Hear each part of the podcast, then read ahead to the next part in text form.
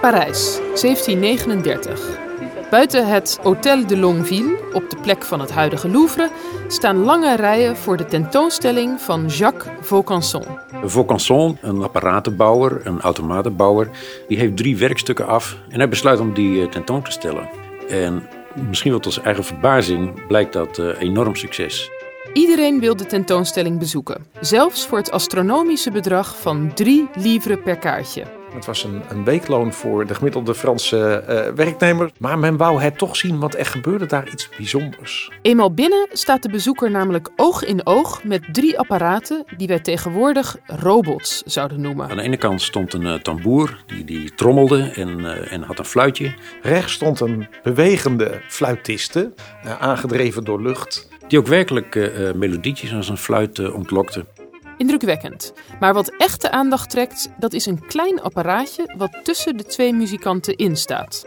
In het midden stond een eigenlijk klein onogelijk ding. En dat was de eend van Vaucanson. Le canard digérateur. Dat riep veel meer vragen op en kreeg veel meer aandacht. Want wat gebeurde daar? Die eend die snaterde, die, die flapte met zijn vleugels, die kwispelde met zijn staart. En die kon graan eten en die kon dat verteren. En dan kwam het echte wonder. Hij kon poepen.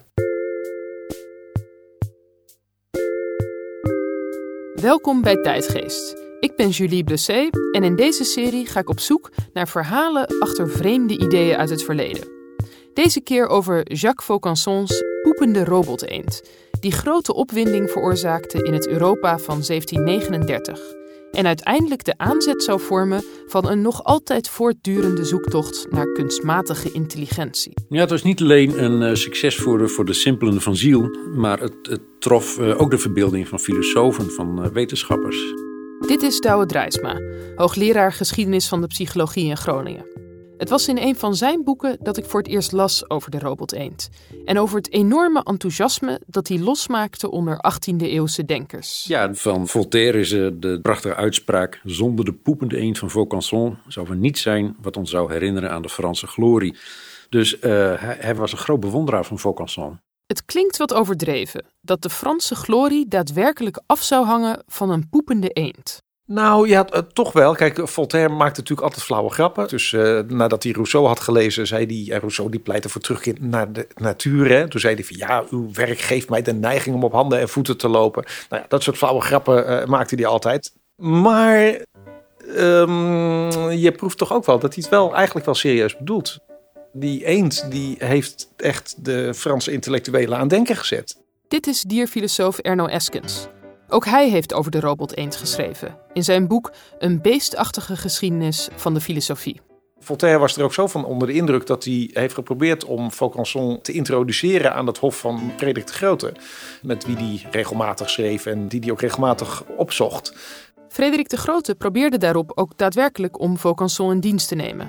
Maar de Franse koning was hem voor. Dus uiteindelijk heeft Die uitnodiging afgeslagen, omdat hij al in Parijs zelf aan de slag komt bij uh, Lodewijk XV en daar ook werd toegelaten in de Parijse uh, Academie van de Wetenschappen. Overigens een, een functie waar uh, Diderot, dus een, ja, toch een behoorlijk groot filosoof in die tijd, ook op had gesolliciteerd. En dus Diderot, de beroemde man van de encyclopedie, die kreeg de baan niet, maar Vaucanson wel. Ja, zo is het gegaan, ja. Het geeft wel aan wat een beroemdheid Vaucanson in zijn tijd was.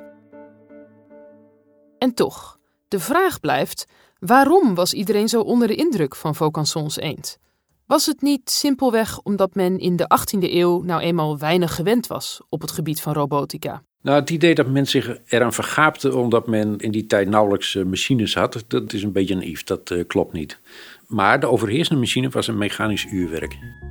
Dat zag men in kerken, dat zag men in stadhuizen en dergelijke. En veel van die uurwerken die waren vele malen ingewikkelder dan wat Vaucanson gemaakt had. En misschien ook wel net zo spectaculair. Neem de astronomische klok van Straatsburg. Die gaf de uren aan door een eh, optocht van apostelen, heiligen, kraaiende hanen. En in het laatste kwartier van elk uur verscheen er telkens een wat timide kijkende mechanische Jezus in beeld. Die dan vlak voor het hele uur plaatsmaakte voor magere Hein, die met een bot de uren sloeg. En er kwamen ook drommen uh, mensen op af. Maar voor de echt interessante automaten moest je in de tuinen van Europese paleizen zijn. Erno vertelt me dat die in de 18e eeuw vol stonden met robotica. Dat was best wel gebruikelijk. En dan had je allerlei door water aangedreven dieren en, en mensenfiguren die ronddraaiden en dat soort zaken. In een paar oude boeken en wetenschappelijke artikelen ontdek ik inderdaad de gekste voorbeelden van automatisch opererende tuindecoraties. Door waterwielen gedreven orgelmuziek, uit het water van een fontein oprijzende robodraken en een automatisch rondpeddelende vogel voor in de vijver. En wat ze soms ook wel deden, was dat je uh, als argeloze bezoeker ergens loopt en dat je dan op een tegel gaat staan en dat die tegel dan naar beneden kan zakken. En dan gaat een zwaan water spuwen of iets van die naart. En het leukste was dan natuurlijk als het jouw kant op kwam, dat water. Hè, dat je je helemaal schrok. Het doet mij wat onnatuurlijk aan, al dit soort robotische tuinkabouters tussen de bloemperkjes. Maar Erno kan het wel verklaren. Dit is natuurlijk toch de tijd van de opkomende wetenschap. En als je van betere stand bent en je hebt wat vermogen, dan wil je laten zien dat je een man van de wereld bent. Ja, hoe laat je dat zien? Door te laten zien dat je iets van wetenschap weet. En uh, die robots die getuigden daarvan. En wie echt indruk wilde maken, die huurde Isaac de Kous in, een Franse uitvinder en ingenieur. Vooral in Engeland was hij erg populair. En het was dan ook daar dat je een van zijn topstukken kon vinden. Een soort toneelstukje met robotische zangvogels. Um, ja, die Isaac de Kous die had een, een groep vogels ge, gebouwd die uh, lekker aan het uh, vlierenfluiten waren. Um, maar dan kwam er plotseling een, uh, een uil tevoorschijn. Een iets wat bozige blik in zijn ogen. En dan verstomden de vogels. En dan was het muisstil. En pas als de uil weer wegging, dan begonnen de vogeltjes weer te fluiten. Maar dat was een heel schouwspel. Dus je, ja, je, je, had wat dat betreft best wel ingenieuze uh, apparaten staan in die tuinen. Ik ben er erg van gecharmeerd. Misschien zelfs wel meer dan van die toch wat ordinaire poepende eend van Vaucanson. Maar daarmee zie ik volgens Erno iets essentieels over het hoofd. Nou ja, wat, wat Isaac de Kous doet is eigenlijk iets wat al eeuwen uh, gaande was. Namelijk hydraulica en, en mechanica. En combineer dat. En dan kun je dingen laten bewegen. Het was puur gebouwd voor vermaak. Het was puur gebouwd om even naar te kijken en weer door te lopen. Maar die eend had een pretentie. Die eend had namelijk de pretentie dat hij echt een eend was. Dat hij, hè, hij kon namelijk kon met zijn vleugels fladderen en, uh, en hij kon dus poepen. Hij kon verteren. Hè. Dus uh, ja, hij was, hij was een, een, een biologisch wezen haast. Dat was de pretentie. Vaucanson probeerde als een soort Frankenstein avant la lettre een dier na te bouwen. En daarmee borduurde hij voort op een filosofisch en wetenschappelijk idee dat al een paar decennia de ronde deed. Dat dieren in essentie machines zijn. En dat is de beruchte automatentheorie van eh, Descartes. En dat ontleende hij aan het gedrag van klokken. Hij heeft die beroemde uitspraak: als zwaluwen in de, in de lente terugkeren, dan gedragen ze zich als klokken. Met andere woorden, de schepper die heeft in die dieren geprogrammeerd dat ze zich op een bepaalde manier gedragen. Descartes zei, als je, als je goed let op het gedrag van dieren, dan kun je dat ook terugzien. Als je let op een hond die voor de haard gaat liggen, dan draait hij eerst een paar achten. En dat komt omdat een hond eigenlijk gewend is aan grasland. En als hij ergens gaat rusten, dan loopt hij eerst het gras plat, omdat hij dan zijn belagers kan zien. Maar ja, dat hij dat ook doet op een planken vloer, dat bewijst dat hij eigenlijk gehoorzaamt aan zijn ontwerp uh, en niet aan eigen denkvermogen. En dat is natuurlijk een hele interessante theorie, dat in het gedrag dingen geprogrammeerd kunnen zijn, om het even anachronistisch uh, te zeggen, waardoor mensen dan ten onrechte denken dat het dier er zelf over nadenkt. En dat is helemaal niet zo, dat zit gewoon uh, ingebrand in, in het ontwerp van dat dier. Het is een interessante observatie van Descartes. En natuurlijk zijn er gelijkenissen tussen machines en dieren. Maar voor Descartes was het idee dat een dier niet meer dan een gecompliceerd functionerend mechaniek was, veel meer dan een metafoor. Dat blijkt wel uit hoe hij zich tegenover dieren gedroeg. Nou ja, de gedachte van, van Descartes is eigenlijk heel simpel. Als je een dier pijn doet, dan heeft het geen idee dat het ook zonder pijn kan leven. En het heeft ook geen idee dat het leven ooit beter is geweest. Die gedachten zijn er helemaal niet bij dieren, want dieren hebben geen onstoffelijke gedachten, is zijn, zijn theorie. En dus kun je dieren ook best levend opensnijden om op zoek te gaan naar uh, de bloedsomloop, wat hij bijvoorbeeld deed. Hij sneed honden open.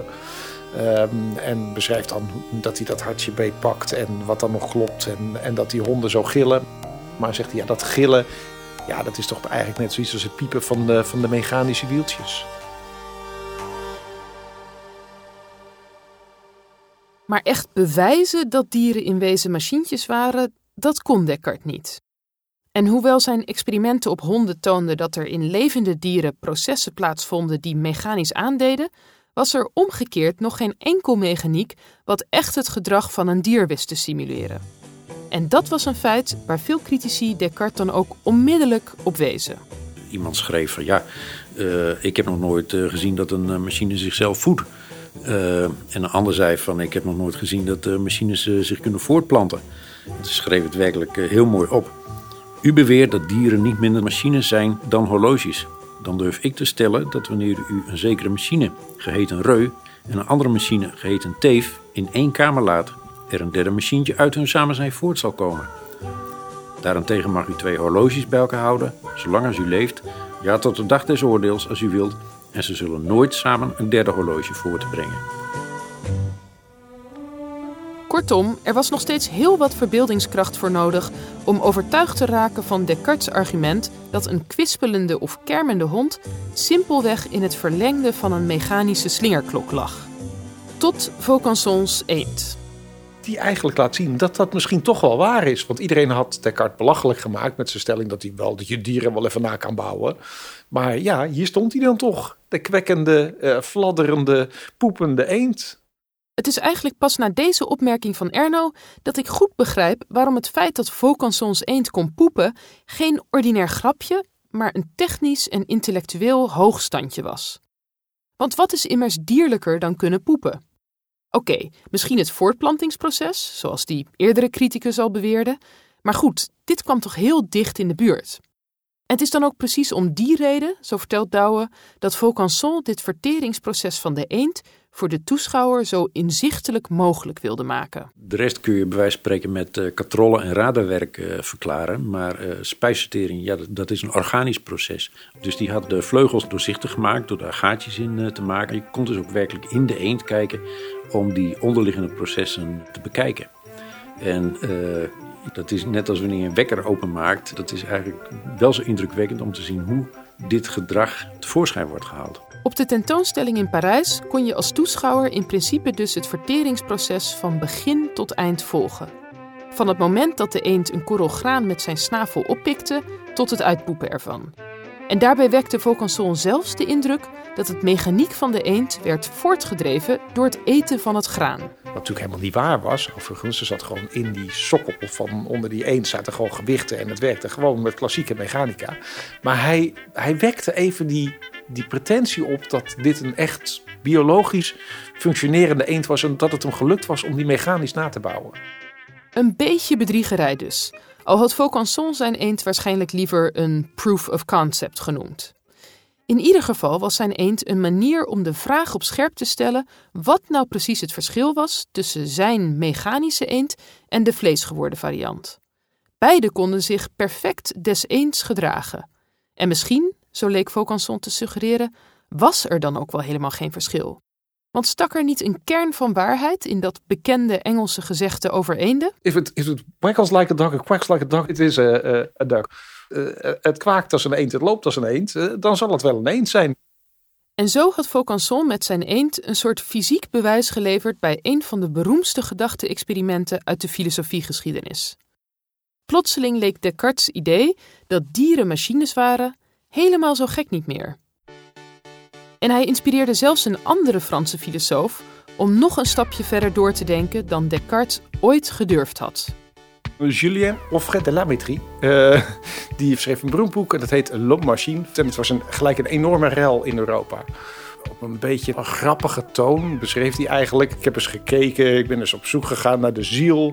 En ik heb eens wat lijken opengemaakt. En uh, kan u vertellen, zit er niet in hoor, nergens aangetroffen die ziel. Ergo, de ziel bestaat niet. Ergo, ook de mens is een machine. En Lametrie schreef in zijn boek zelfs dat hij hoopte dat een groot uitvinder als Vaucanson in de toekomst ook zoiets zou kunnen bouwen als een mechanische mens. Ik lees het maar even voor. Ehm, een machine die niet langer onmogelijk geacht moet worden. Zeker niet onder de handen van deze tweede Prometheus. Dus ja, Vaucanson die heeft niet alleen een eend gemaakt, maar die zou in staat kunnen zijn om een mens te maken. Ja, hier wordt eigenlijk de, de, de menselijke robot wordt hier toch wel echt voorspeld.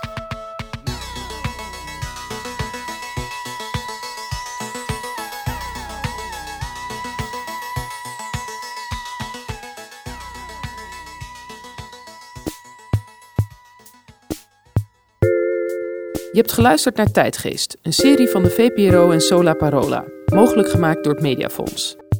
Arno Peters hielp me met de techniek en de Tijdgeest-tune, waar ik nu overheen praat, die werd gemaakt door Jara Holdert. En ik ben Julie Blessé. Volgende keer in Tijdgeest het dubieuze plan om in naam der wetenschap apen en mensen te kruisen. En als dat lukt, dan weten we dat de evolutietheorie echt klopt. En dat het dus echt zoiets is als een dierlijke afstamming van de mens. Tot dan!